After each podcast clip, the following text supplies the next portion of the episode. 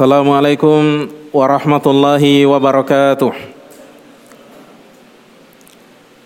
إن الحمد لله نحمده ونستعينه ونستغفره ونعوذ بالله من شرور أنفسنا ومن سيئات أعمالنا من يهده الله فلا مضل له ومن يضلل فلا هادي له واشهد ان لا اله الا الله وحده لا شريك له واشهد ان محمدا عبده ورسوله يا ايها الذين امنوا اتقوا الله حق تقاته ولا تموتن الا وانتم مسلمون اما بعد فان اصدق الحديث كتاب الله وخير الهدي هدي محمد صلى الله عليه وسلم وشر الامور محدثاتها وكل محدثه بدعه wa kulla bid'atin dalalah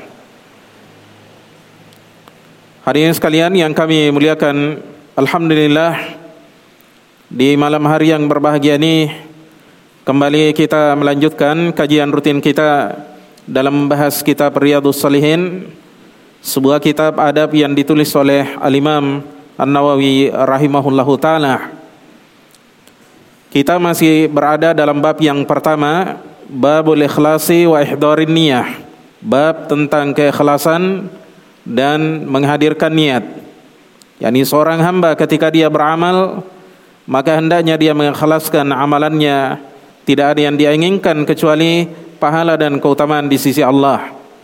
Kemudian juga dia harus menghadirkan niatnya supaya terbedakan antara amalan yang sifatnya wajib dengan yang sunnah. Bahkan amalan yang mubah akan bernilai ibadah ketika diniatkan karena Allah Subhanahu wa taala. Ini yang akan dijelaskan insyaallah taala dalam bab ini melalui hadis-hadis yang dibawakan oleh An-Nawawi rahimahullah. Hadirin sekalian yang kami muliakan, kali ini insyaallah taala kita akan bacakan hadis yang ke-10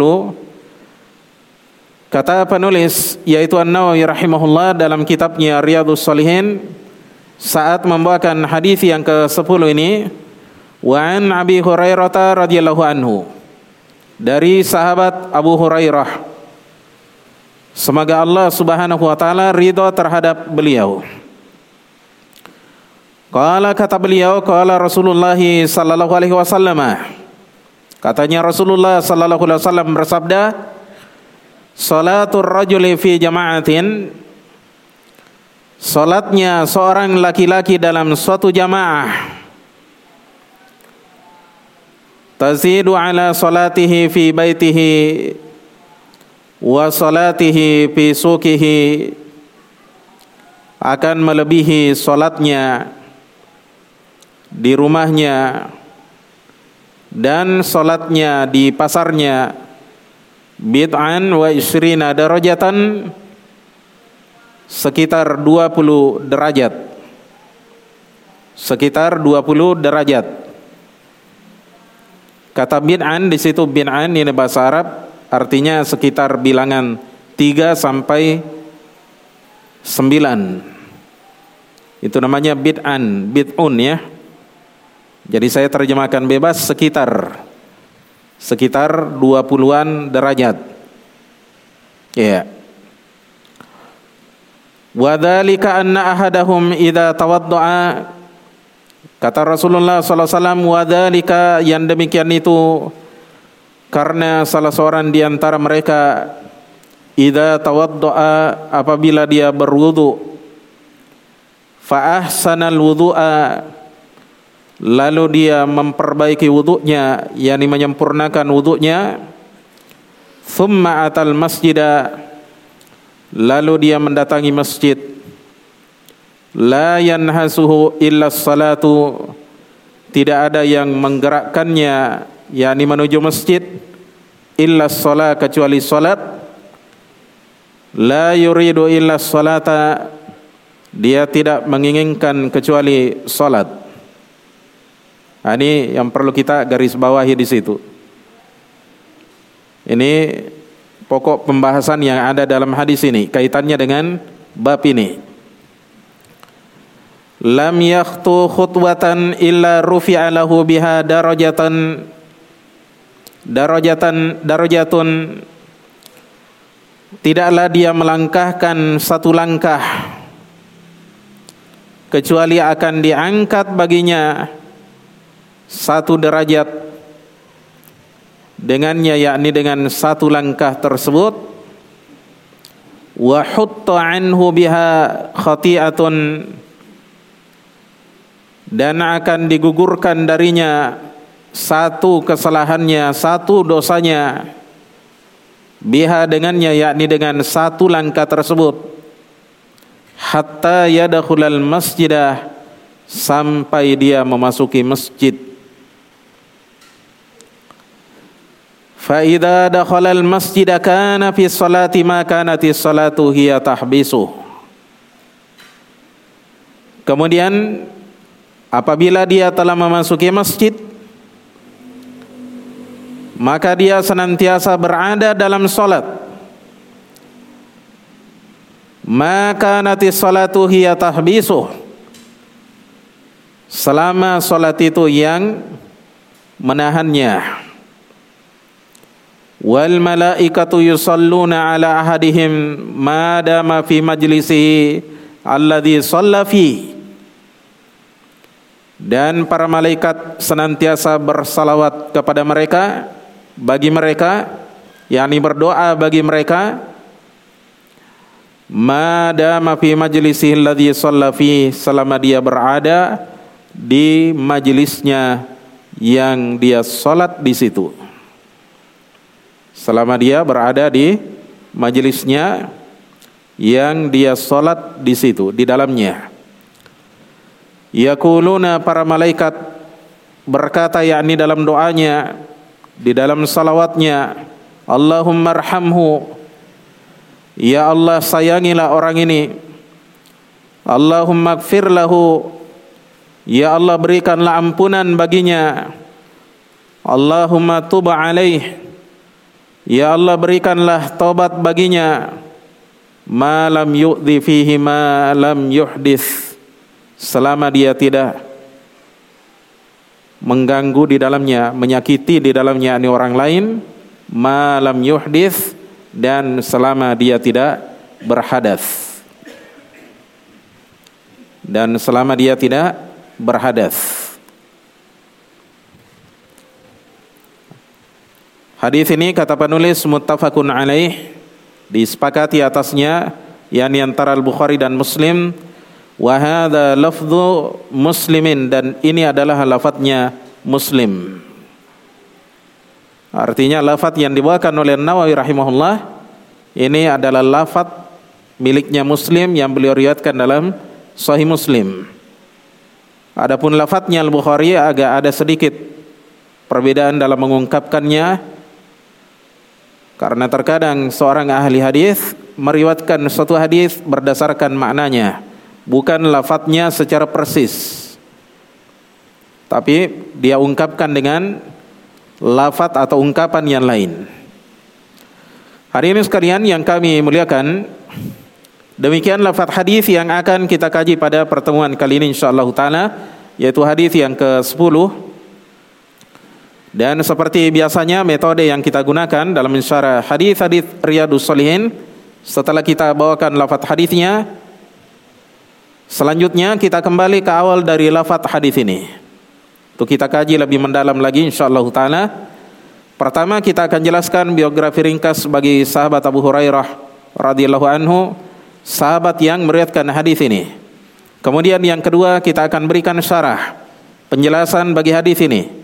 Kalau ayat diistilahkan dengan tafsir. Kalau hadisnya Nabi diistilahkan dengan ya syarhul hadis, penjelasan hadis. Ini penting jemaah sekalian supaya kita mengerti apa yang diinginkan oleh Rasulullah sallallahu alaihi wasallam di dalam sabdanya ini. Karena terkadang kalau kita hanya sekedar bacakan seperti tadi, kita tidak akan mengerti dengan baik. Tapi ketika kita jelaskan berdasarkan penjelasan ulama kita tentunya yang didukung dengan dalil-dalil syar'i dengan kaidah-kaidah syariat di sini insya Allah taala kita akan paham dengan baik. Nanti kalian akan lihat insyaallah taala bagaimana kita memahami sebuah hadis itu bukan hanya letter-letternya saja. Bukan dengan lafadznya saja. Kita butuh seorang guru dalam memahami hadis. Kemudian yang ketiga insyaallah taala kita akan sebutkan siapa saja yang meriwayatkan hadis ini selain dari Al-Bukhari dan Muslim. Dan yang terakhir insyaallah taala kita akan nukilkan beberapa buah faidah yang kami ambilkan dari kalamnya para ulama kita. Ini supaya kita mengambil langsung dari ulama kita ya. Taib. Hari ini sekalian yang kami muliakan Kata Nawawi rahimahullahu taala dalam kitabnya Riyadhus Shalihin saat membawakan hadis yang ke-10 ini wa an Abi Hurairah radhiyallahu anhu dari sahabat Abu Hurairah semoga Allah Subhanahu wa taala ridho terhadap beliau. Yang dimaksud dengan Abu Hurairah di sini adalah Abdurrahman bin Sakhar Ad-Dausi. Berasal dari suku Daus. Daus bin Adathan. So, apanya salah satu suku yang dahulu mendiami negeri Yaman di masanya Rasulullah sallallahu alaihi wasallam. Sahabat Abu Hurairah radhiyallahu anhu merupakan salah seorang di antara sahabat yang dikenal dengan kunyahnya. Dengan nama sapaannya. Sampai kita kadang tidak mengenal nama aslinya. Banyak di antara kita tidak tahu nama aslinya. Nama aslinya adalah Abdurrahman bin Sakhar Ad-Dausi tapi lebih masyhur dengan kunyahnya, nama sapaannya. Ini ada sejumlah sahabat yang memiliki kunyah, dikenal dengan kunyahnya sampai nama aslinya tenggelam, seperti sahabat Abu Sa'id Al-Khudri. Nama aslinya adalah Sa'ad bin Malik bin Sinan. Sa'ad bin Malik bin Sinan. Abu Musa Al-Ash'ari, nama aslinya adalah Abdullah bin Qais Al-Ash'ari. Abu Darda. Ada yang tahu namanya Abu Darda? Ya terkenal dengan Abu Darda, tapi nama aslinya dilupakan oleh manusia. Banyak di antara kita yang tidak tahu namanya. Nama aslinya adalah Uwaimir bin Said. Tulis, santri tulis ya. Khusus santri yang baca catatan ya, tulis seperti itu, faedah yang tidak ada di kitab. Namanya Uwaimir bin Zaid Al-Khasraji. Ada sahabat yang dikenal dengan Abu Mama Al-Bahili. Nama aslinya adalah Sudai bin Ajlan Al-Bahili. Berasal dari suku Bahilah. Ada sahabat yang bernama Abu Bakrah. Bukan Abu Bakar tapi Abu Bakrah. As-Saqafi nama aslinya adalah Siapa nama aslinya? Hmm? Eh? Ah? Anda catat toh? Iya. Nama aslinya adalah Nufai ibnul Harith As-Saqafi. Nufai ibnul Harith As-Saqafi. Ini banyak sekali ya sahabat-sahabat Rasulullah SAW dikenal dengan dengan apa kunyahnya. Dan ini merupakan salah satu sunnah di kalangan para sahabat. Mereka menggunakan kunyah. Dan ini saya kira juga di kalangan kita ya bangsa Indonesia ini ya bapaknya Ahmad ya Nah, itu kan berlaku juga sebenarnya di orang Bugis juga pakai begitu, ya. Orang Mandar, ya. Seperti kalau orang Bugis kebetulan saya Bugis ya, dia punya anak namanya Fatimah, Ambokna Fatimah. Ya, Ambokna ya, Ambok ya, Ambokna Fatimah, bapaknya Fatimah. Kan berlaku ya. Cuma kadang kita tidak menyadari bahwa itu adalah kunyah. Ya. Tapi sahabat Abu Hurairah radhiyallahu anhu merupakan sahabat yang paling banyak meriwayatkan hadis dari Rasulullah sallallahu alaihi wasallam. Beliau menyatakan dirinya masuk ke dalam Islam pada tahun ke-7 Hijriah tepat terjadinya perang Khaybar.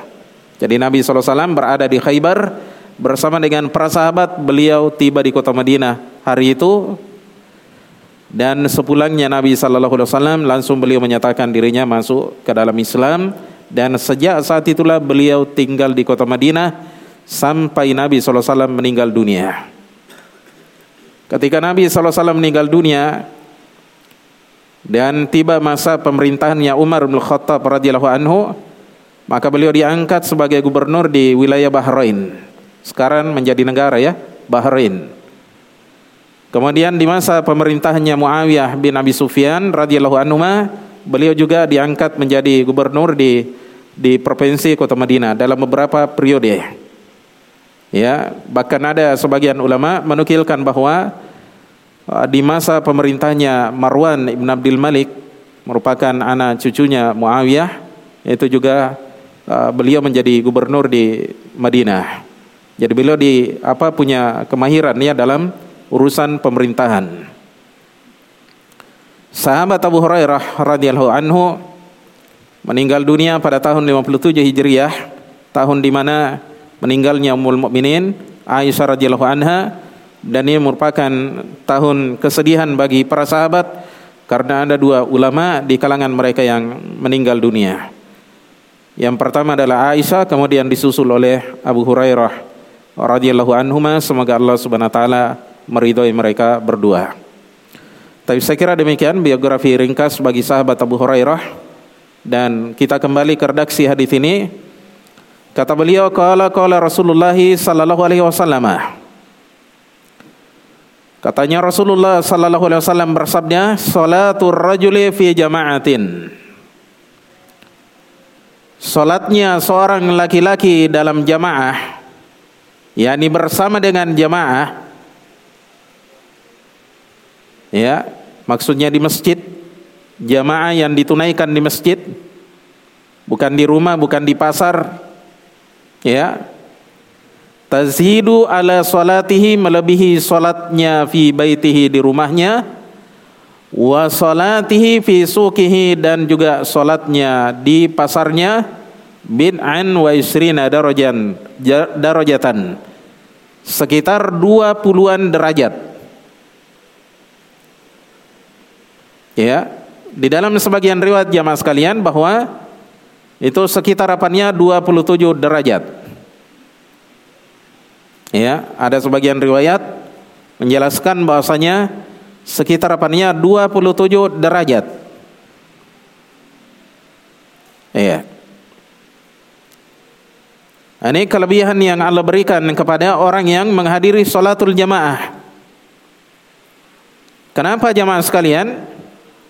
Nanti akan dijelaskan oleh Nabi sallallahu alaihi wasallam dan secara umum bahwasanya orang diberikan keutamaan yang seperti ini karena ada pengorbanan yang dia lakukan. Ada kesabaran pada dirinya.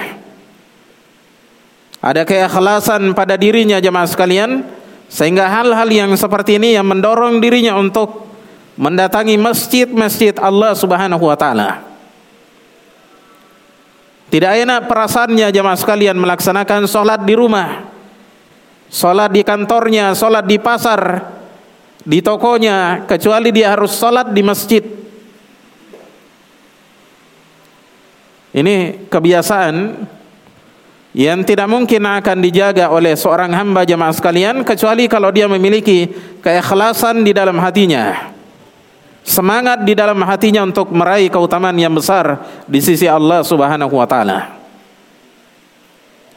Inilah yang banyak tidak dipahami oleh kaum muslimin di zaman kita ini sehingga kita akan melihat masjid-masjid yang begitu banyak, begitu besar, begitu tinggi jamaah sekalian, mewah tapi sunyi dari jamaah. Kenapa jamaah sekalian? Karena keutamaan yang seperti ini akan disebutkan oleh Nabi sallallahu alaihi wasallam tidak diketahui oleh orang-orang yang malas ini. Andaikan mereka tahu jamaah sekalian, mereka tidak akan meninggalkan salatul jamaah. Ya, mereka tidak akan meninggalkan salat berjamaah di masjid. Oleh karena itu jamaah sekalian kita dapati para sahabatnya Rasulullah sallallahu alaihi wasallam pada masanya Rasulullah sallallahu alaihi wasallam mereka mendatangi salat jamaah. Mereka jaga salat jamaahnya sampai ada di antara mereka jamaah sekalian. Tidak enak perasaannya kalau dia salat di rumahnya padahal ada uzur bagi dia. Dia sakit. Tapi masih ada kekuatannya dia minta kepada keluarganya, kepada anaknya, kepada tetangganya supaya dia dihadirkan dibawa ke masjid.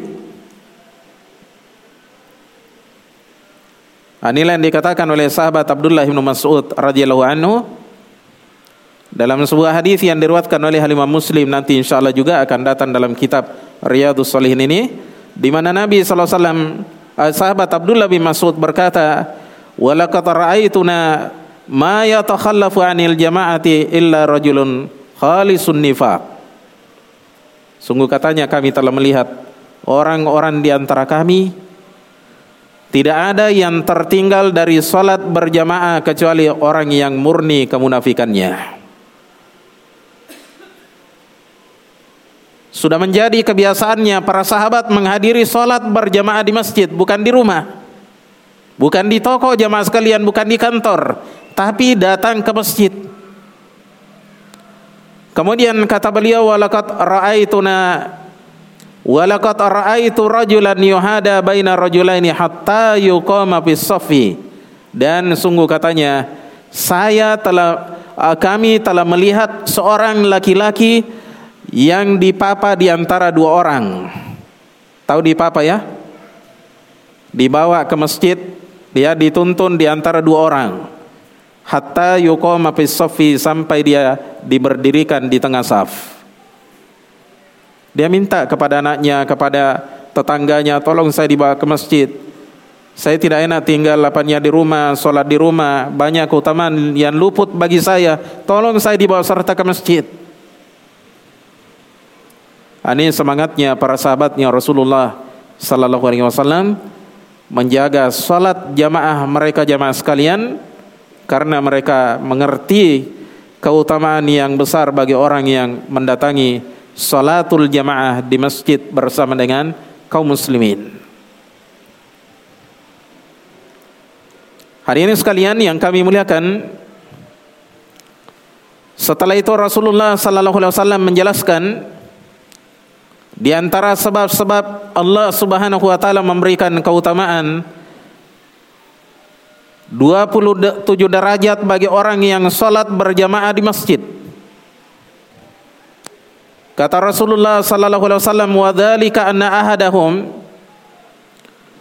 yang demikian itu karena salah seorang di antara mereka idza tawaddaa apabila dia berwudu fa ahsanal wudu'a lalu dia memperbaiki wudunya yakni dia menyempurnakan wudunya sebagian di antara ulama ada yang menyatakan memperbaiki wudu menyempurnakan wudu yakni seseorang berwudu sesuai dengan sunnahnya Nabi sallallahu alaihi wasallam dan dia kerjakan ya pada setiap anggota badannya dia cuci tiga tiga kali kecuali pada kepala dan mengusap telinga. Kecuali dia apanya mengusap kepala dan telinga. Karena yang sunnahnya adalah satu kali nah, itu namanya memperbaiki wudhu dia sempurnakan wudhunya dia perbaiki wudhunya Ya. Thumma atal masjidah kemudian dia mendatangi masjid. Nah, ini keutamaannya kita mendatangi apa? Masjid. Jadi pertama perkara yang pertama jamaah sekalian kita lakukan di rumah adalah berwudu dari rumah. Jangan kita berwudu di masjid, walaupun itu boleh. Kalau kita ingin sempurna 27 derajat jamaah sekalian maka hendaknya kita berwudu dari rumah kita.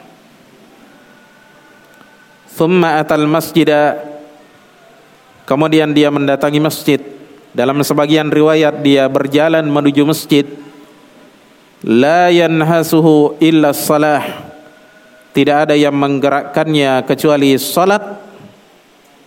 Yani dia ikhlas tidak ada yang dia inginkan kecuali ingin meraih keutamaan solat berjamaah di masjid. Dan itulah keikhlasan jamaah sekalian. La yuridu illa salata. Tidak ada yang dia inginkan kecuali solat. Ya. Apa balasan yang dia dapatkan jamaah sekalian? Ada tiga balasan atau dua balasan yang akan dia terima jamaah sekalian. Lam yakhtu khutwatan illa rufi'a lahu biha darajah. Tidak ada satu langkah yang dia langkahkan kecuali akan diangkat baginya satu derajat dengannya yakni dengan sebab satu langkah tersebut. Wa hutta anhu biha khati'atun dan akan dihapuskan darinya satu dosa dengan sebab. Apanya langkah tersebut? Hatta yadkhulal masjidah sampai dia memasuki masjid.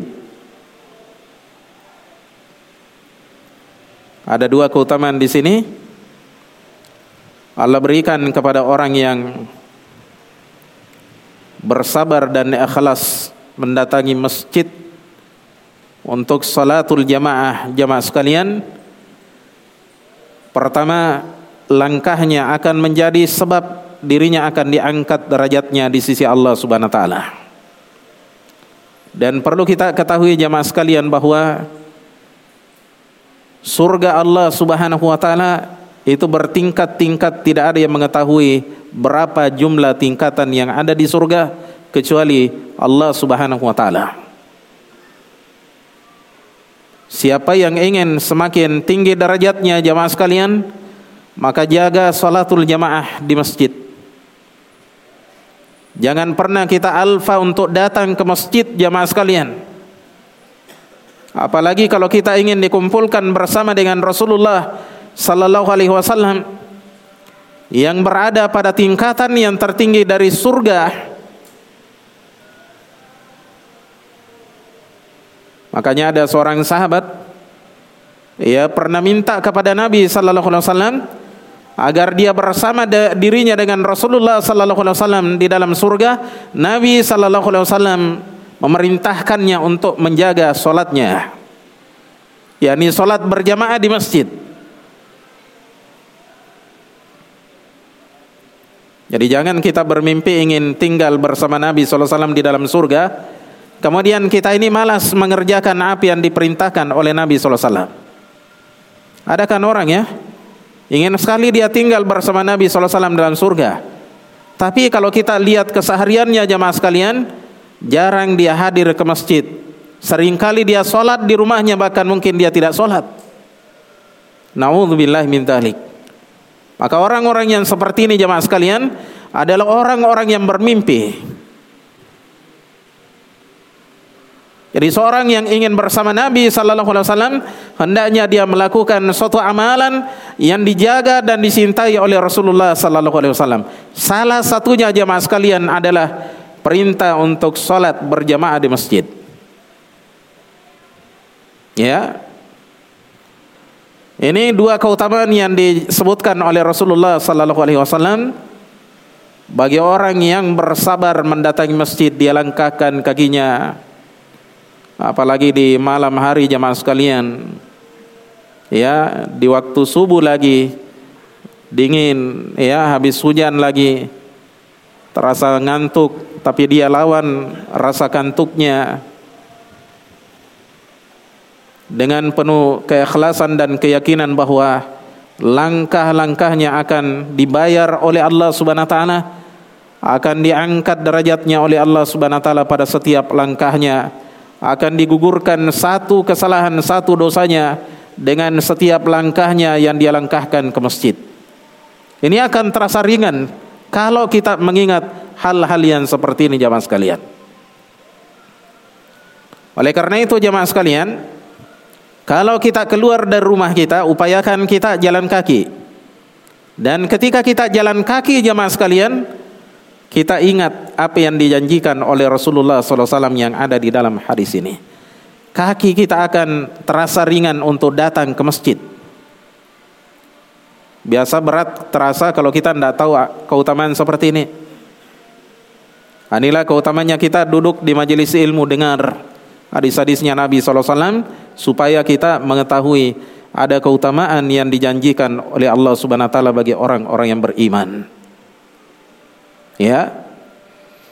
Kemudian keutamaan yang lain jamaah sekalian disebutkan oleh Rasulullah Sallallahu Alaihi Wasallam bagi orang yang mendatangi salatul jamaah di masjid fa idza dakhala al masjida kana fi salati Apabila dia telah memasuki masjid maka dia senantiasa berada dalam salat walaupun dia sudah selesai dari solatnya walaupun solat belum dikerjakan jamaah sekalian. Kita datang ke masjid masuk ke masjid solat tahiyatul masjid sambil menunggu iqamat. Kita masih terus dianggap seperti orang yang solat dan pahala solat terus mengalir kepada kita jamaah sekalian selama kita berada di dalam masjid. Ya. Maka nanti salatu hiya tahbisuh. Selama salat itulah yang menahan dirinya. Seperti ini sekarang. Kita datang ke masjid ini tentunya tujuan utama kita adalah salat maghrib berjamaah kemudian disusul dengan salatul isya berjamaah ini tujuan utama kita Tujuan kedua kita jamaah sekalian adalah belajar ilmu agama. Ada dua keutamaan yang kita dapatkan jamaah sekalian. Keutamaan solat berjamaah kemudian keutamaan duduk di majelis ilmu. Pernah saya jelaskan ya pada pertemuan-pertemuan lalu bahwasanya Rasulullah SAW menjanjikan bagi orang yang duduk di majelis ilmu empat keutamaan. Pertama akan turun padanya sakinah, ketenangan. Kemudian akan diliputi rahmat Allah. Ya. Kemudian akan dikelilingi oleh para malaikat. Malaikat yang khusus ditugaskan oleh Allah Subhanahu wa taala mencari majelis-majelis ilmu. Yang di dalamnya dibacakan Al-Qur'an, dibacakan hadisnya Nabi sallallahu alaihi wasallam. Kemudian yang keempat jamaah sekalian akan senantiasa disebut-sebut namanya di sisi Allah Subhanahu wa taala di hadapan para malaikat yang dekat di sisi Allah Subhanahu wa taala. Jadi ada dua kebaikan jamaah sekalian kita dapati ketika kita datang ke masjid kemudian di situ ada majelis ilmu. Ya. Hadirin sekalian yang kami muliakan, jadi Nabi sallallahu alaihi wasallam menjelaskan melalui sabda nyinying bahwasanya orang yang memasuki masjid kemudian dia bersabar terus berada di dalam masjid maka dia dianggap seperti orang yang terus-menerus mengerjakan solat yakni senantiasa mengalir pahala solat kepadanya walaupun dia tidak berada di dalam solat tapi dengan syarat tidak ada yang menahan dirinya kecuali so, solat bukan karena dia baku tunggu temannya karena kan ada orang begitu ya dia pergi solat dia tunggu solat isya tapi sebenarnya bukan sholat isya dia tunggu. Yang dia tunggu sebenarnya ada temannya. Kalau temannya sudah datang dia pulang ke rumahnya. Nah orang yang seperti ini tidak mendapatkan keutamaan ini. Khusus keutamaan mendapatkan pahala sholat selama dia bersabar di dalam masjid. Ya. Ini keutamaan yang ketiga bagi orang yang bersabar mendatangi sholat berjamaah di masjid. Kemudian keutamaan yang keempat jemaah sekalian disebutkan oleh Rasulullah sallallahu alaihi wasallam wal malaikatu yusalluna ala ahadikum ma dama fi majlisihi alladhi shalla fihi para malaikat akan bersalawat baginya ya bagi salah seorang di antara kalian ma dama fi majlisihi alladhi shalla selama dia berada di majelisnya yang dia salat di situ Ya. Jadi selama dia berada di majelisnya ya di tempatnya dia sholat ada juga yang menyatakan bahwasanya selama dia berada di dalam mas, apa masjid ya ya merupakan majelis orang-orang yang melaksanakan sholat dia duduk di situ berdoa berzikir atau membaca Al-Quran ataukah mendengarkan majelis ilmu misalnya maka senantiasa malaikat akan bersalawat baginya. Salawat jamaah sekalian kalau datangnya dari Allah itu maknanya adalah sana'un 'alal abdi. Pujian Allah terhadap seorang hamba. Tapi kalau salawat itu datangnya dari seorang hamba maknanya adalah ad-doa, doa. Ya. As-salatu Jamaknya adalah as-salawat. Makanya salat yang kita kerjakan Itu dikatakan solat jamaah sekalian karena di dalamnya banyak sekali doa-doa yang diajarkan oleh Rasulullah SAW. Beliau syariatkan untuk kita baca jamaah sekalian sehingga ibadah yang dimulai dengan takbir di akhir dengan salam ini dinamai dengan solat.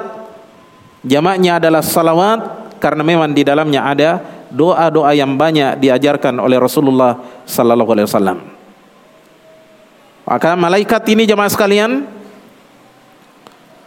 Malaikat yang mendatangi majelis-majelis ilmu ini jemaah sekalian mendoakan kebaikan bagi salah seorang di antara kita orang-orang yang mendatangi salatul jamaah di masjid.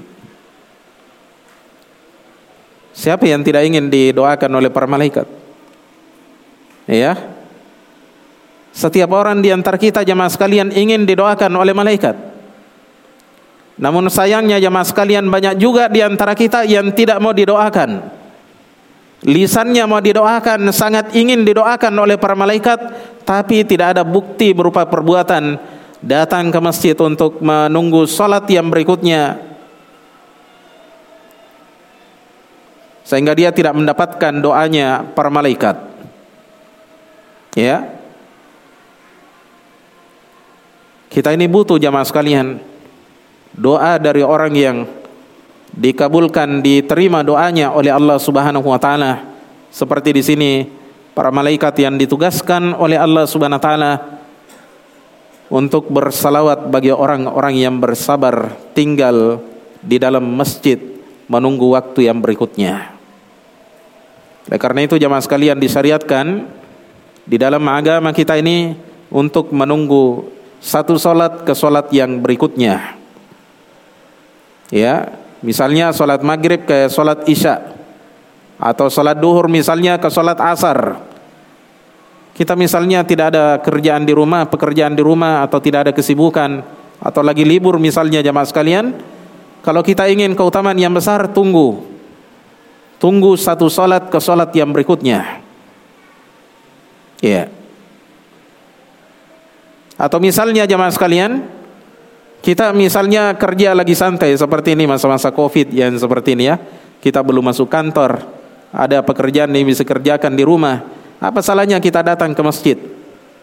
Ya, kita kerja di masjid misalnya, datang sholat duhur, duduk sampai asar, masih sanggup duduk dari asar sampai maghrib, duduk sampai maghrib. Tidak ada juga urusan dikerjakan di rumah.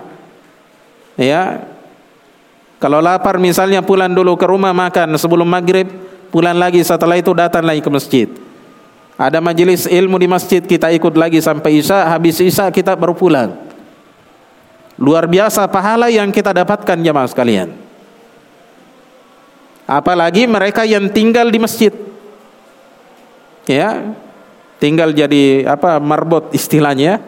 Itu lebih banyak lagi pahalanya. Tapi harus disadari keutamaan ini dengan ya mengilmui hal-hal yang seperti ini jamaah sekalian jangan kita sekedar tinggal di masjid tanpa kita mengilmui ya mengetahui keutamaan yang seperti ini.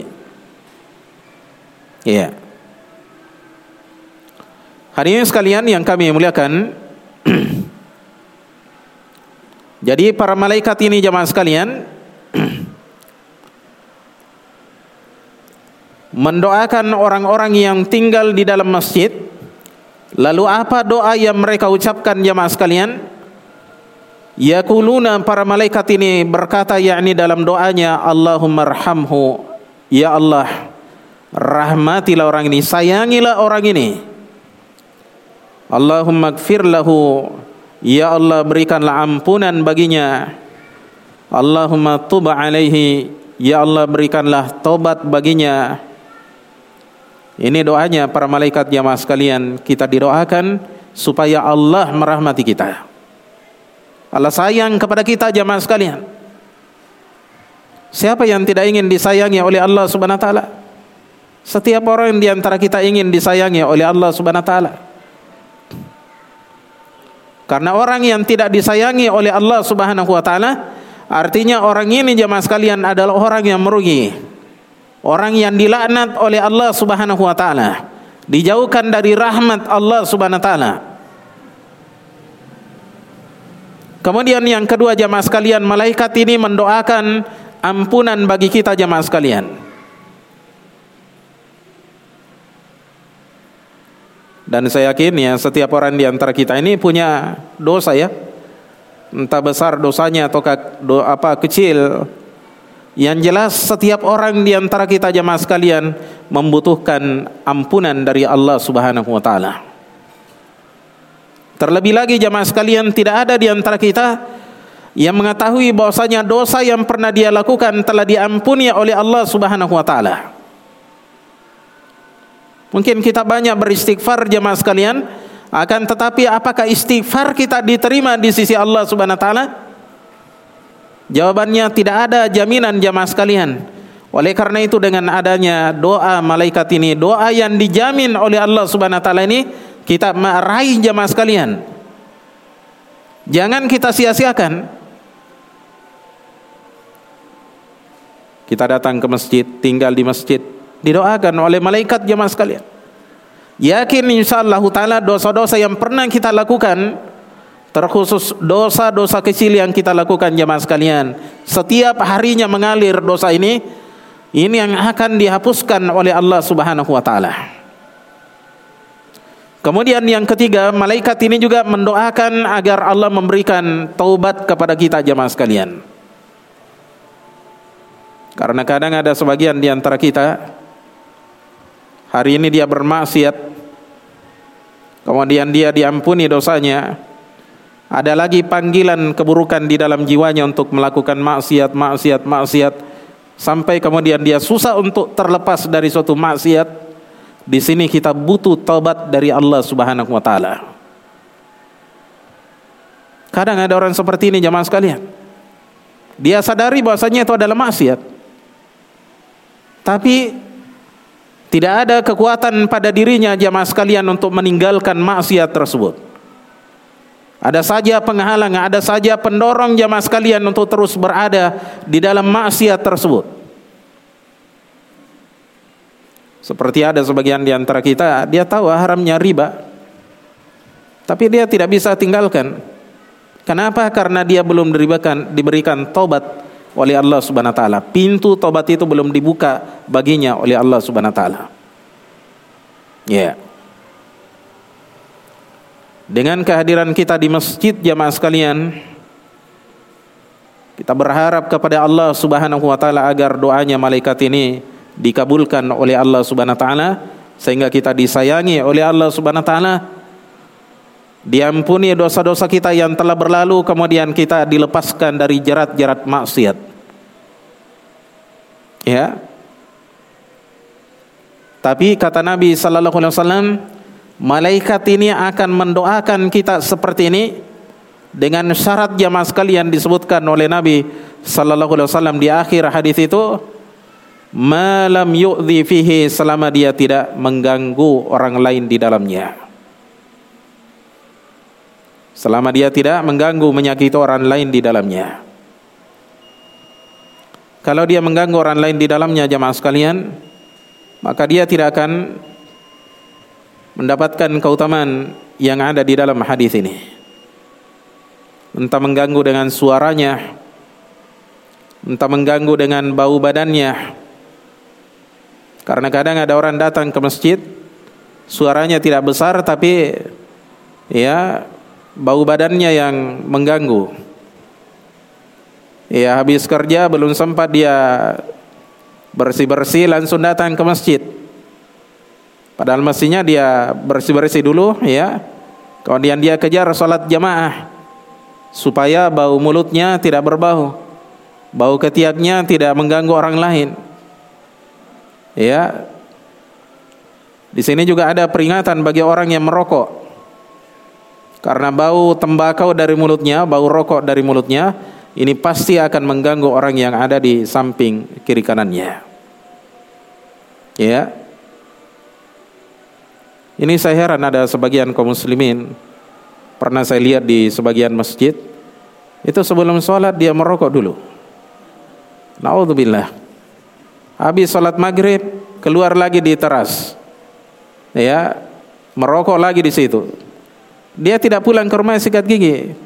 dia langsung masuk ke dalam solat mengganggu orang yang ada di samping kiri kanannya.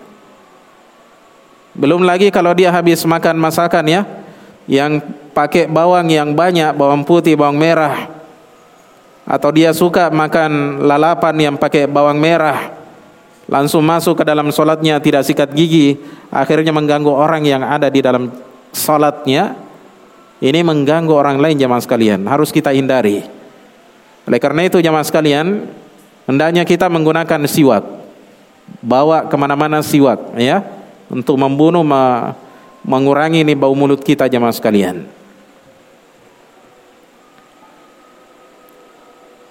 Ini syarat yang pertama jemaah sekalian, seorang jangan mengganggu orang lain yang ada di dalam majelis. Ya, ada di dalam majelis yakni masjid. Kemudian syarat yang lainnya jemaah sekalian, dia tidak berhadas. Ya, yang dimaksud dengan hadas di sini jamaah sekalian adalah hadas asgor dan hadas akbar. Hadas asgor adalah hadas yang mengharuskan kita untuk berwudu. Kalau hadas akbar jamaah sekalian hanya mengharuskan kita untuk apa uh, mengharuskan kita berwudu dan juga mandi janabah. Misalnya ada di antara kita mimpi basah ya maka keluar cairan dari tubuhnya ya dari kemaluannya mengharuskan dia untuk mandi itu namanya hadas ya hadas akbar. Ya. Jadi dua hadas ini jamaah sekalian harus kita segera hilangkan. Kalau kita kentut misalnya dan kentut itu merupakan hadas membatalkan wudhu kita segera kita perbaharui wudhu kita jemaah sekalian, kemudian kembali ke masjid. Kita menunggu sholat misalnya, tiba-tiba batal wudhu kita, segera perbaharui wudhu kita jemaah sekalian, kemudian kembali ke masjid. Atau misalnya ada di antara kita tertidur di masjid dan tidur yang pulas jemaah sekalian yang menghilangkan akal pikiran kita 100% jamaah sekalian ini juga termasuk hadas harus kita hilangkan supaya kita mendapatkan keutamaan yang ada di dalam hadis ini. Ya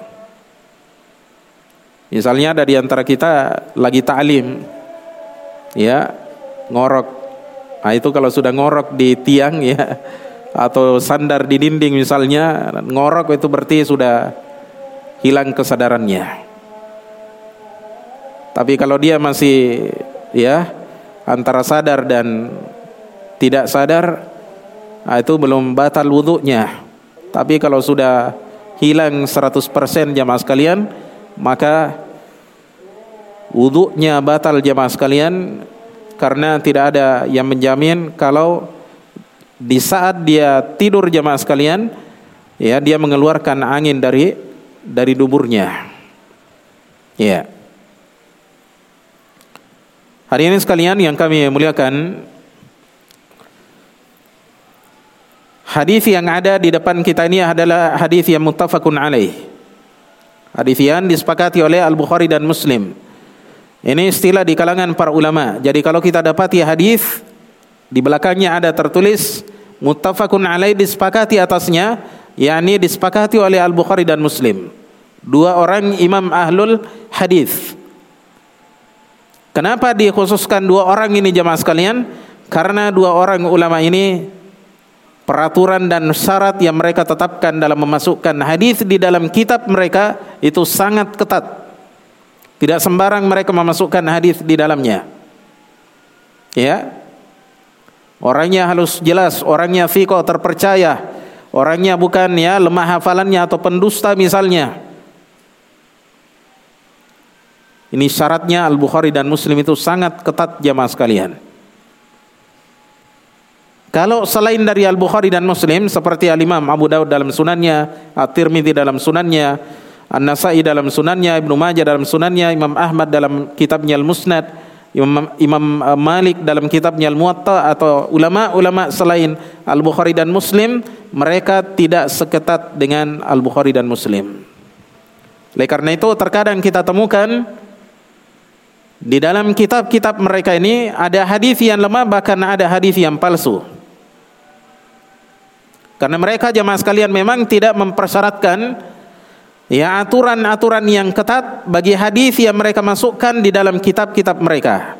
Adapun Al-Bukhari dan Muslim maka mereka punya syarat-syarat yang ketat jemaah sekalian bagi rawi-rawi yang dimasukkan hadisnya di dalam kitab Sahih Al-Bukhari dan Sahih Muslim.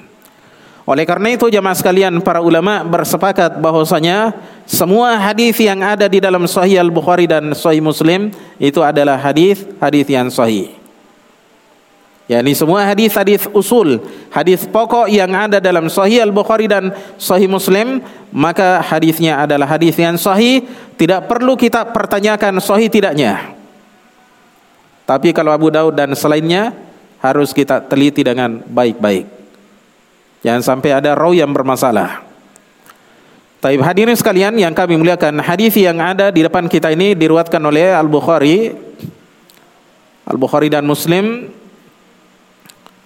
Al-Bukhari rahimahullah taala meriwayatkannya pada nomor hadis yang ke-477. Kemudian Muslim juga dalam sahihnya, sahih Muslim pada nomor hadis yang ke-649. Abu Daud dalam sunannya yakni Sunan Abi Daud pada nomor hadis yang ke-559. At-Tirmidzi dalam sunannya pada nomor hadis yang ke-216 dan Ibnu Majah dalam sunannya pada nomor hadis yang ke-786. Adapun An-Nasa'i rahimahullahu taala maka beliau tidak ikut meriatkan hadis ini.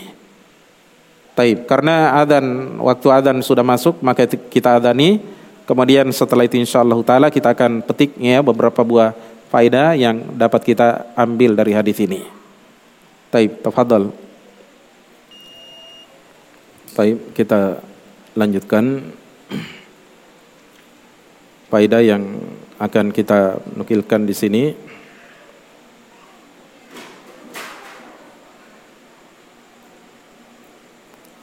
Pertama kita akan nukilkan dari seorang ulama kita yang bernama Faisal bin Abdul Aziz Al-Huraimili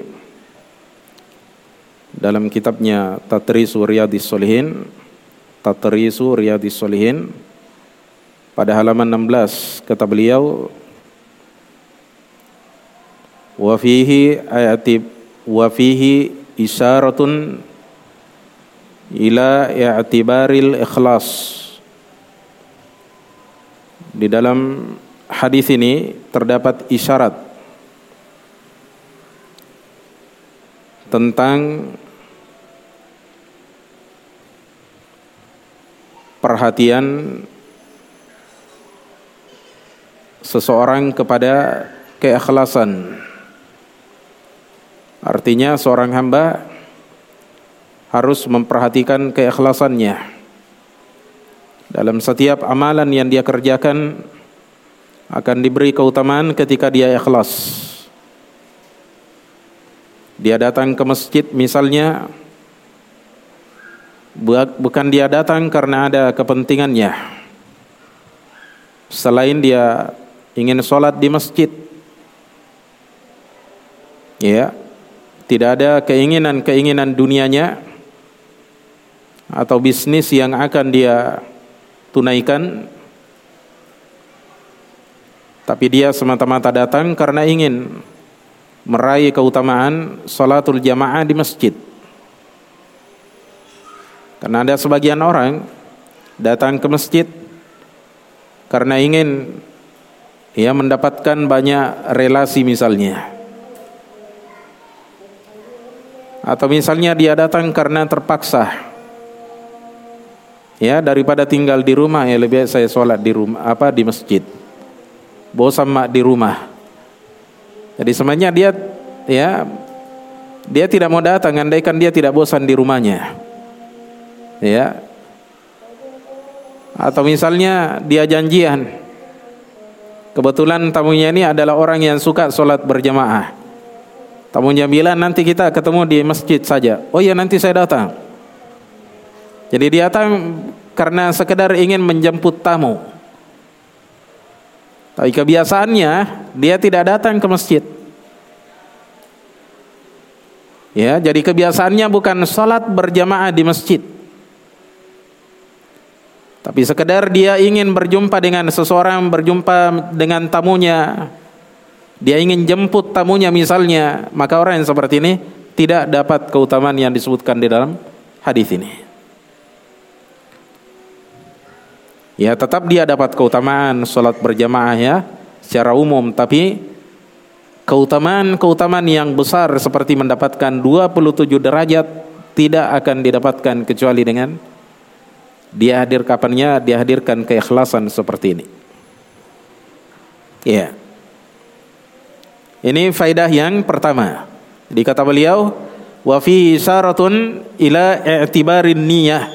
Di dalam hadis ini terdapat isyarat tentang perhatian kepada keikhlasan. Artinya Seseorang penting untuk memperhatikan keikhlasannya terkhusus dalam kasus ini yaitu salat berjamaah. Ya. Kemudian faidah yang kedua beliau sebutkan juga di sini kata Syekh uh, Faisal bin Abdul Aziz Al-Huraimili rahimahullah wa fi hadzal hadithi isyaratun ila ba'dil asbabi al-muqtadiyati lid-darajati Di dalam hadis ini juga terdapat isyarat kepada sebagian sebab-sebab yang mengharuskan lahirnya derajat-derajat. Apa sebab-sebab itu jemaah sekalian? Pertama, dia berwudu dari rumahnya. Dan dia perbaiki wuduknya, dia sempurnakan wuduknya. Sebagian ulama ada yang menyatakan dia lakukan tiga-tiga kali pada setiap anggota tubuhnya kecuali ketika mengusap kepala dan telinga itu cukup satu kali. Itu namanya memperbaiki wudhu atau menyempurnakannya. Kemudian yang ketiga dia keluar berjalan kaki ke masjid. Ini kalau mereka yang dekat dengan masjid. Kalau rumahnya jauh, insya Allah di situ ada rukso keringanan ya. Taib. Karena dalam sebagian riwayat dikatakan keluar, tidak dikatakan berjalan kaki. Kemudian yang keempat ya dia tinggal di masjid. Ya. Dia masuk ke dalam masjid dan tidak ada yang mendorong dirinya, menggerakkan dirinya untuk datang ke masjid kecuali so, salat. Ini sebab-sebab yang melahirkan derajat-derajat yang tinggi di sisi Allah Subhanahu wa taala. Jadi kita harus wudhu dari rumah, kemudian perbaiki cara wudhu kita, kita sempurnakan dengan baik sesuai yang disunahkan oleh Rasulullah sallallahu alaihi wasallam. Kemudian kita masuk ke masjid, ya, apa berjalan kaki, kemudian masuk ke masjid. Selama di masjid kita jangan mengganggu orang lain, tapi kita tenang, ya, sambil menunggu waktu yang berikutnya. Taib. Hadirin sekalian yang kami muliakan itu faidah yang disampaikan oleh uh, Syekh Faisal bin Abdul Aziz Al-Huraimili rahimahullah. Faidah yang berikutnya faidah yang berikutnya di sini terkait tentang hukum salat berjamaah. Ya, terkait dengan hukum salat berjamaah. Hadis yang ada di depan kita ini jemaah sekalian terkadang digunakan oleh sebagian ulama kita yang berpendapat tentang sunnahnya sholat berjamaah di masjid. Tapi di sana ada pendapat yang lain menyatakan wajibnya sholat berjamaah. Ya. Dan inilah pendapat yang terkuat di antara dua khilaf Dua perselisihan ini jamaah sekalian. Pertama karena datang perintah solat berjamaah di masjid. Seperti firman Allah Subhanahu wa taala dalam suratul Baqarah, "Wa aqimus salata wa atuz zakah." Warka'u ma'raki'in. Tegakkanlah solat, tunaikanlah zakat dan rukuklah bersama dengan orang-orang yang rukuk. Yang dimaksud dengan rukuk bersama dengan orang-orang yang rukuk jamaah sekalian adalah orang solat berjamaah di masjid. Karena masjid adalah tempat orang-orang yang ruku. Ruku secara berjamaah yakni salat secara berjamaah. Dan perlu kita ketahui jamaah sekalian bahwasanya hukum asalnya perintah di dalam Al-Qur'an demikian pula dalam sunnahnya Rasulullah sallallahu alaihi wasallam itu hukumnya wajib. Jadi hukum asalnya semua perintah di dalam Al-Qur'an harus kita hukumi itu adalah wajib. Tidak boleh kita beralih dari hukum wajib ini jamaah sekalian ke hukum yang sunnah kecuali ada dalil yang memalingkannya entah dari Al-Qur'an ataukah dari hadis-hadisnya Rasulullah wasallam. Kemudian ulama yang menyatakan wajibnya salatul jamaah menyatakan bahwasanya tidak ada dalil yang memalingkan hukum wajib perintah yang terdapat dalam ayat tersebut. Bahkan yang ada dari Nabi sallallahu alaihi wasallam ya banyak sekali hadis-hadis yang menjelaskan tentang keutamaan salatul jamaah. Dan hukumnya yaitu wajib ya. Keterangan tentang wajibnya juga datang dari Nabi sallallahu alaihi wasallam ada seorang ulama yang mengumpulkan semua hadis-hadis yang terkait dengan perintah dan wajibnya salat berjamaah. Beliau dikenal dengan Syekh Fadlu Ilahi Zahir. Ini saudaranya Ihsan Ilahi Zahir yang terbunuh. Konon kabarnya dibunuh oleh orang Syiah karena beliau adalah seorang ulama Pakistan yang sangat rajin membantah orang-orang Syiah. Dalam beberapa judul kitab yang beliau tulis kemudian dikirimkan rangkaian bunga ternyata itu adalah bom yang meledakkan uh, tempat yang beliau tempati ceramah ketika itu. Ini saudaranya namanya eh, apa namanya Fadlu Ilahi Zahir. Beliau kasih judul kitabnya Ahamiyatu Salatil Jamaah. Di sana beliau mengumpulkan semua dalil yang digunakan ulama untuk menyatakan wajibnya salat berjamaah bagi laki-laki yang sudah mukallaf, berakal dan orangnya balik. Salah satu hadis yang mereka gunakan jamaah sekalian adalah hadis yang mauquf kepada sahabat Abdullah bin Mas'ud yang saya bacakan tadi. Saya sebutkan tadi di awal majelis di mana sahabat Abdullah bin Mas'ud menyatakan walaqad ra'aituna ma yatakhallafu anil an, anil jamaati illa rajulun khalisun nifaq tidak sungguh telah kami melihat orang-orang yang ada di antara kami tidak ada yang tertinggal dari salat berjamaah kecuali orang yang murni kemunafikannya artinya sudah dikenal di kalangan para sahabat bahwasanya mereka ini adalah orang yang munafik jadi tanda kemunafikannya seseorang dikenal pada masa itu di kalangan para sahabatnya Nabi SAW adalah mereka punya kebiasaan meninggalkan solat berjamaah di masjid. Belum lagi jamaah sekalian ada perintah dari Allah Subhanahu Wa Taala untuk melaksanakan solatul khauf dalam kondisi perang jamaah sekalian. Tetap Allah memerintahkan Nabi SAW dan para sahabatnya untuk menegakkan solat berjamaah padahal dalam kondisi perang. Bagaimana lagi kira-kira jemaah sekalian dalam kondisi kita aman pasti lebih pantas ada perintah, ada kewajiban untuk menunaikan solat berjamaah di masjid bersama dengan kaum muslimin. Oleh karena itu jemaah sekalian, alangkah herannya kita banyak di antara kaum muslimin mungkin karena mereka tidak mengerti tentang ya perintah dari solat berjamaah ini bergampangan meninggalkan solatul jamaah banyak di antara mereka solat di rumahnya solat di pasarnya di tokonya di kantornya padahal ya masjid dekat dari tempat mereka bekerja dekat dari rumah mereka tapi tidak mau mendatangi solat berjamaah padahal ini merupakan kewajiban dalam agama jamaah sekalian oleh karena itu jamaah sekalian kalau kita pernah haji umrah, orang Saudi itu paham sekali dengan hukum salat berjamaah. Sampai kadang kita lihat kakek-kakek yang sudah tidak bisa jalan didorong dengan kursi roda karena mereka mau menghadiri salat berjamaah.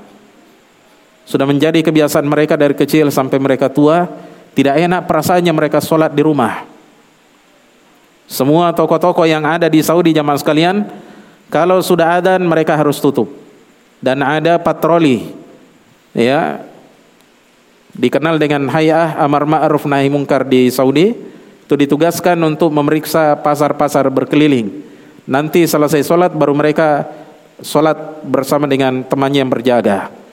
Ya, karena ada uzur bagi mereka untuk mengawasi orang-orang yang ada di pasar, ya. Mereka telusuri semua orang-orang yang tidak hadir di masjid.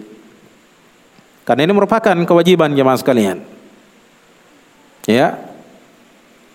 Hadirin sekalian yang kami muliakan, selanjutnya kita akan nukilkan di sini faidah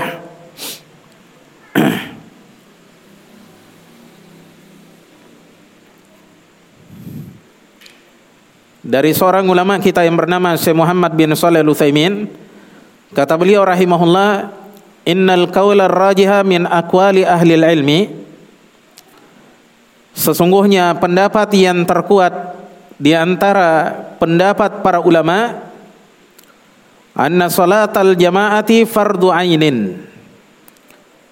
Bahwa salat berjamaah merupakan fardu ain Fardu ain itu adalah fardu kewajiban yang wajib bagi setiap ain, bagi setiap person. Kalau fardu kifayah jemaah sekalian, kifayah artinya cukup. Kalau sudah dia mengerjakannya maka yang lainnya sudah tercukupi. Seperti misalnya solat jenazah. Nah, itu namanya fardu kifayah. Atau salam misalnya menjawab salam. Ada orang datang masuk ke sini, beri salam satu majelis maka sebagiannya wajib untuk menjawab salamnya. Kalau sudah ada satu orang dua orang maka sudah mewakili yang lain. Gugur kewajiban yang lain. Taib. Wa annahu yajibu 'alal insani ayyusalliya ma'al jama'ati fil masjid dan bahwa wajib bagi seorang manusia untuk salat berjamaah di masjid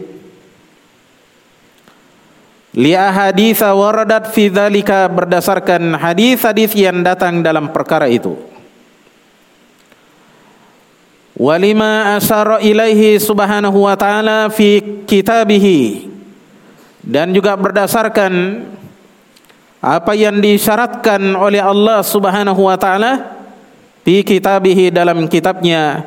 Hina qala ketika Allah subhanahu wa ta'ala berfirman wa idza kunta fihim fa aqamta salah. Apabila engkau berada di tengah mereka lalu engkau menegakkan salat bersama mereka faltakum ta'ifatum minhum ma'ak maka hendaknya berdiri satu kelompok di antara mereka bersamamu. Yakni hendaknya sekelompok ada yang salat berjamaah bersamamu. Ini perintah salatul khauf Salat fardu yang dikerjakan ketika ada rasa takut yang mencekam jemaah sekalian. Misalnya di dalam peperangan. Ternyata tetap diwajibkan bagi para sahabatnya Rasulullah sallallahu alaihi wasallam. Ini dalam kondisi rasa ya apanya takut ya mencekam jemaah sekalian tapi ternyata mereka tetap diperintah untuk melaksanakan salatul jamaah. Maka ini merupakan salah satu di antara ya dalil yang terkuat yang menunjukkan wajibnya solat berjamaah. Dan nanti insya Allah taala ada bab khusus tentang hukum solat berjamaah. Nanti akan datang keterangannya insya Allah pada bab-bab yang berikutnya.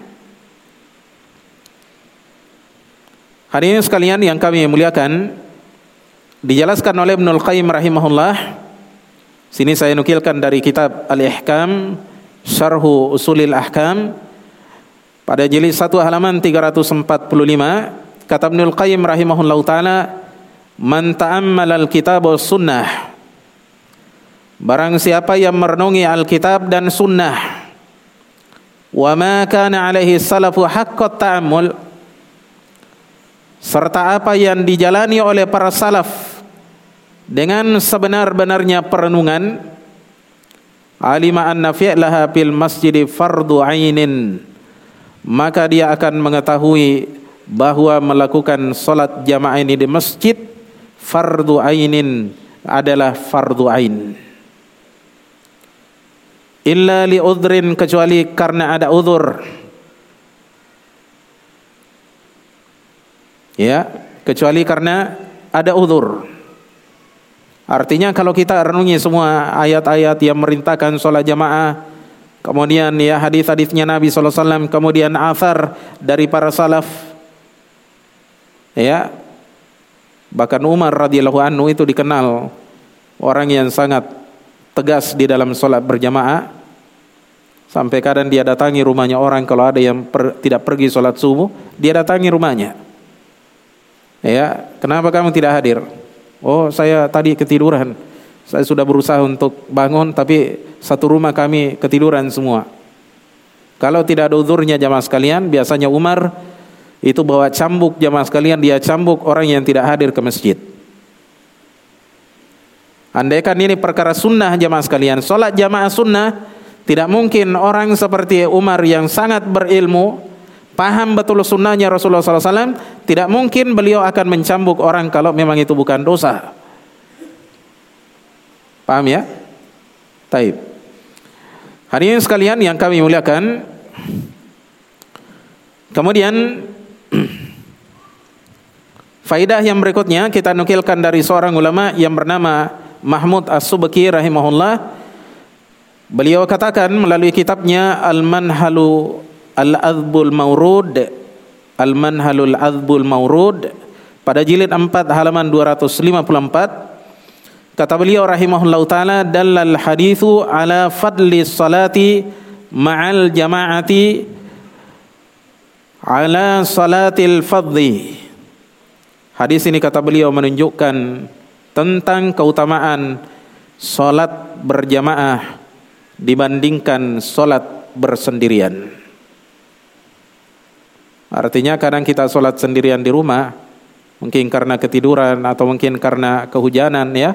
Hujan. Atau mungkin karena ada bencana banjir tidak bisa hadir ke masjid. Lalu kita ya sholat di rumah.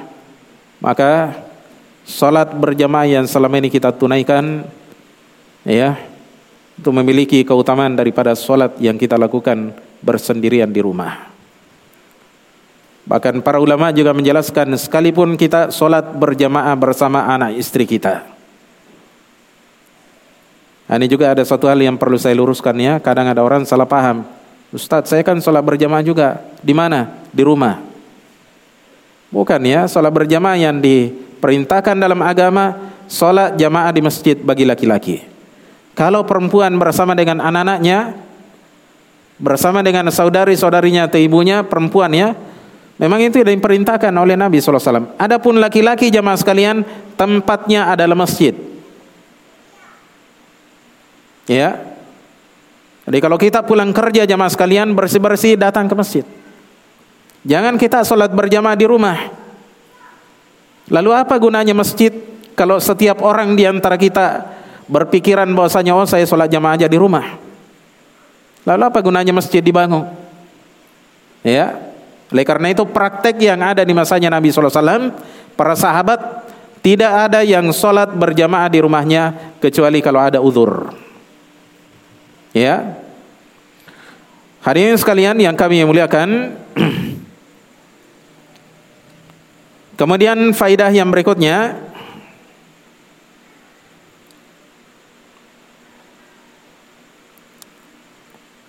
Kita nukilkan dari seorang ulama yang bernama Muhammad Al-Amin Al-Urami pakai hamzah di atas alif Al-Urami. Kata Muhammad Al-Amin Al-Urami rahimahullahu taala dalam kitabnya Al-Kaukabul Wahaj Al-Kaukabul Wahaj pada jilid 9 halaman 127 kata beliau fihi anna aqallal jam'i isnani di dalam hadis ini kata beliau bahwa bilangan jamaah yang paling sedikit yang di dalam sholat jamaah ini adalah dua orang. Liannahu ja'ala hadzal fadla li ghairil munfaridi. Karena Nabi menjadikan keutamaan ini yakni keutamaan sholat berjamaah ini li ghairil munfaridi untuk selain satu orang. Berarti kalau kita sholat berjamaah di masjid, ya berdua dengan seseorang, maka kita akan dapatkan keutamaan sholat berjamaah yang ada di dalam hadis ini. Taib. Wa ma sada 'alal fadhi fahuwa jama'atun dan apa saja yang melebihi bilangan satu orang maka itulah jamaah. Iya. Oleh karena itu jamaah sekalian kalau kita datang ke masjid mengadani uh, masjid adzan di masjid jangan kita terburu-buru mengumandangkan apa ikomat ya. Jangan terburu-buru apanya ikomat. Tunggu jamaah. 15 menit, 20 menit kita tunggu misalnya sampai mereka apanya ada yang datang kalau perlu misalnya kita ada anak di rumah, entah anak kita adalah laki-laki atau perempuan, ajak mereka ke masjid. Kalau perkiraan kita tidak ada yang sholat di masjid kecuali kita dengan keluarga kita. Ajak tetangga kita atau anak kita supaya keutamaan ini bisa kita raih jamaah sekalian. Wallahu taala alam bisawab. Kemudian faidah yang berikutnya masih dari ulama kita ini eh, Mahmud As-Subki rahimahullah dalam kitabnya yang berjudul Ad-Dinul Khalis Ad-Dinul Khalis pada jilid 3 halaman 34 kata beliau wahia min khasaisi hadhil ummati. Dia yakni salat berjamaah termasuk kekhususan-kekhususan bagi umat ini. Syara'aha Allah taala lima fiha minat ta'arufi Allah syariatkan salat berjamaah ini karena di dalamnya terdapat sesuatu berupa ta'aruf. Orang bisa ta'aruf saling mengenal. Wa ta'aluf saling menyatu. Wartibatil qulubi. Dan adanya keterkaitan hati wa ta'awudil imtithali dan juga terbiasa melaksanakan perintah Allah. Karena sholat jamaah ini kan diperintahkan oleh Allah. Wasabri bersabar. Wasajaati keberanian. Kita harus datang sholat berani ya harus berani. Karena kadang kalau malam secara khusus kadang kita datang sholat berjamaah. Kadang ada ular, kadang ada anjing, atau mungkin ada yang ganggu misalnya. Ini kan butuh keberanian, butuh kesabaran ya. Wa husnin dan juga baiknya pengaturan. Jadi ini sholat jamaah seperti itu, banyak kebaikan dan keberkahan di dalamnya. Kita bisa saling mengenal, bisa saling apanya dekat, akrab dengan tetangga-tetangga kita, orang yang selama ini kita tidak kenal, Kemudian yang ketiga kita bisa merealisasikan perintah-perintah Allah dan Rasulnya. Kemudian yang keempat melatih diri kita untuk bersabar. Melazimi suatu amalan yang rutin kita lakukan. Kemudian yang keempat yang melatih keberanian kita. Ya. Kemudian yang keenam melatih kita untuk mengatur waktu kita dengan baik. Ini kalau kita sholat jamaah kan harus teratur ya, ada waktunya. Dan ini yang banyak membuat orang-orang non muslim ya bangga dan terpukau dengan agama kita jamaah sekalian karena melihat orang-orang Islam menjaga solatnya. Ada waktu yang mereka jaga jamaah sekalian setiap harinya lima kali berputar terus seumur hidup mereka. Ini dilihat oleh mereka jamaah sekalian menjadi sebuah kekaguman. Wah ini katanya orang Islam ini hebat sekali. Teratur. Kalau kita ini katanya gereja satu kali satu satu pekan, itu pun kalau kita datang. Ya. Taib. Kalau orang Islam ya luar biasa uh, pengorbanannya mereka. Taib. Kemudian faidah yang berikutnya, sabar ya. Kita nukilkan dari Syekhul Islam Ibnu Taimiyah rahimahullahu taala dalam kitabnya Majmu' al-Fatawa pada jilid 11 halaman 616 ketika itu beliau membantah orang yang memandang bahwasanya solat sendirian katanya lebih utama daripada solat berjamaah. Kata beliau wala nisa'a bainahum dan tidak ada perselisihan di antara mereka yakni para ulama anna man ja'ala salatahu wahdahu afdala min salatihi fi jamaah bahwa barang siapa yang menganggap solatnya bersendirian lebih utama daripada solatnya secara berjamaah fa innahu dhallun mubtadi'un. Karena maka sesungguhnya orang ini adalah orang yang sesat mubtadi' ahli bid'ah mukhalifun lidinil muslimina menyelisihi agama kaum muslimin. Sampai pun ulama yang memandang bahwasanya solat berjamaah adalah sunnah tetap mereka menyatakan bahwa solat berjamaah lebih utama daripada solat sen sendirian. Tapi di sini kata Syekhul Islam Ibnu Taimiyah rahimahullah taala, di sini katanya ini di masanya beliau ada orang yang memandang katanya solat sendirian itu lebih utama katanya daripada solat berjamaah. Beliau syaratkan di sini jamaah sekalian kepada sebagian orang-orang tasawuf, orang-orang sufi, orang-orang tarekat yang memandang bahwasanya solat sendirian itu katanya lebih bagus. Kenapa? Karena katanya lebih ikhlas. Kenapa lebih ikhlas? Karena katanya tidak ada orang yang lihat. Ya. Maka apa jawabannya jemaah sekalian? Kita jawab bahwasanya perintah solat berjamaah datang dari Allah Subhanahu wa taala. Dan perintah Ya, salat berjamaah ketika datang dari Allah Subhanahu wa taala tidak mungkin Allah perintahkan kita untuk melakukan suatu amalan ya yang akan menghilangkan keikhlasan kita. Kemudian jawaban yang kedua jamaah sekalian bahwasanya salat berjamaah merupakan syiar yang memang harus ditampakkan. Harus ditampakkan. Karena syiar itu ada dua jamaah sekalian apa syariat itu ada dua. Ada yang teranggap siar yang harus ditampakkan dan ada yang bukan siar memang harus disembunyikan. Ya.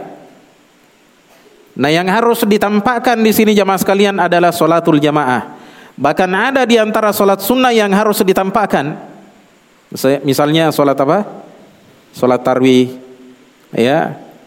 Kemudian solat id bagi ulama yang menyatakan sunnahnya solat id walaupun di sana ada pendapat menyatakan juga wajibnya solat istisqa misalnya ya atau solat uh, apa namanya uh, solat gerhana misalnya.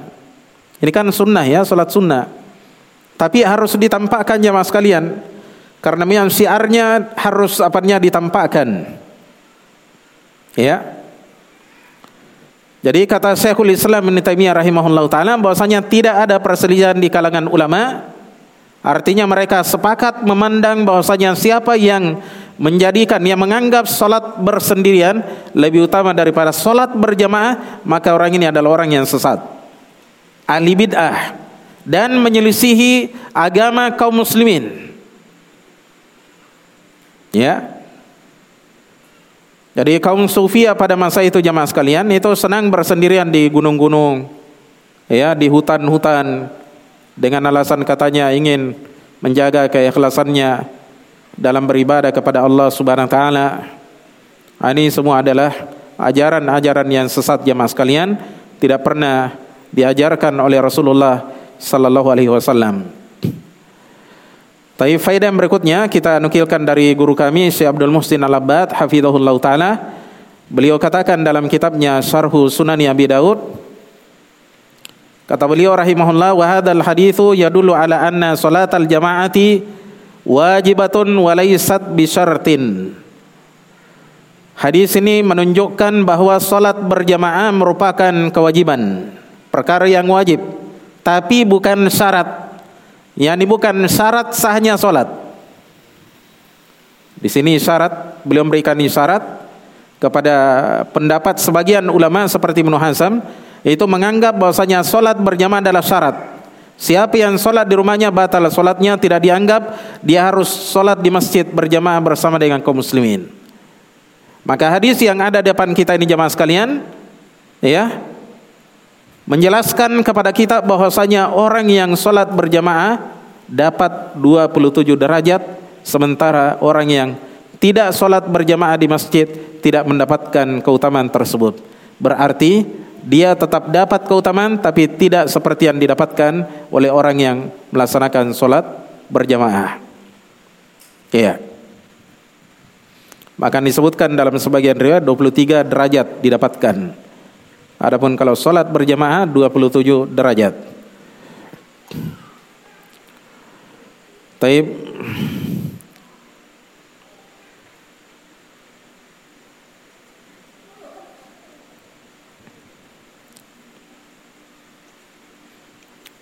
Kemudian faedah berikutnya kita nukilkan dari Ibnu Attar dalam kitabnya Al-Uddah fi Syarhil Umdah pada jilid 1 halaman 347 kata beliau rahimahullahu taala wa fi hadzal hadithi fawaidu di dalam hadis ini terdapat beberapa buah faedah di antaranya beliau sebutkan di sini wa minha di antaranya adalah tajdidul wudu'i li kulli salatin. Memperbaharui wudhu bagi setiap solat supaya kita dapat keutamaan apa? Jamaah wa fi'lul wajibi afdalu minal man minal mandubi. Dan mengerjakan sesuatu yang wajib lebih utama daripada sesuatu yang mandub. Sesuatu yang dianjurkan sesuatu yang sunnah. Iya.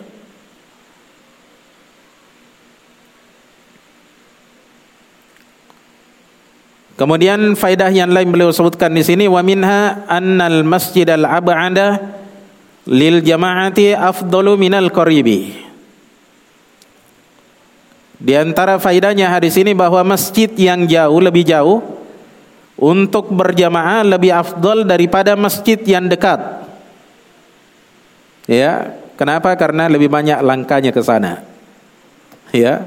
Apalagi di situ ada majelis ilmu illa an salatu awil jama'atu kecuali kalau salat apanya teranggurkan artinya salat tidak ada di situ awil jama'atu atau tidak ada jamaah di sana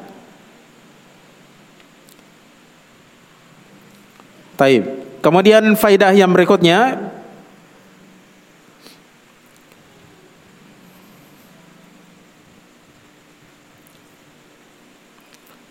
Kata beliau rahimahullahu taala wa minha takfirud dunubi wa raf'ud darajat. Di antara faidahnya hadis ini bahwa di dalam hadis ini terdapat keterangan tentang ya penghapusan dosa-dosa dan pengangkatan derajat-derajat. Ya. Jadi sisi Allah Subhanahu wa taala ada istilah takfirud dunub, penghapusan dosa-dosa dan pengangkatan derajat-derajat. Dan itu ada sebab-sebabnya. Salah satu sebabnya adalah solatul jamaah. Kemudian faedah yang berikutnya wa minha salatul jamaati kata beliau kata Ibnu Attar di antara faedahnya hadis ini salatul malaikati ala man yantadhirus salata fil masjid. Bersalawatnya para malaikat yakni berdoanya ya para malaikat bagi orang yang menunggu salat berjamaah di masjid.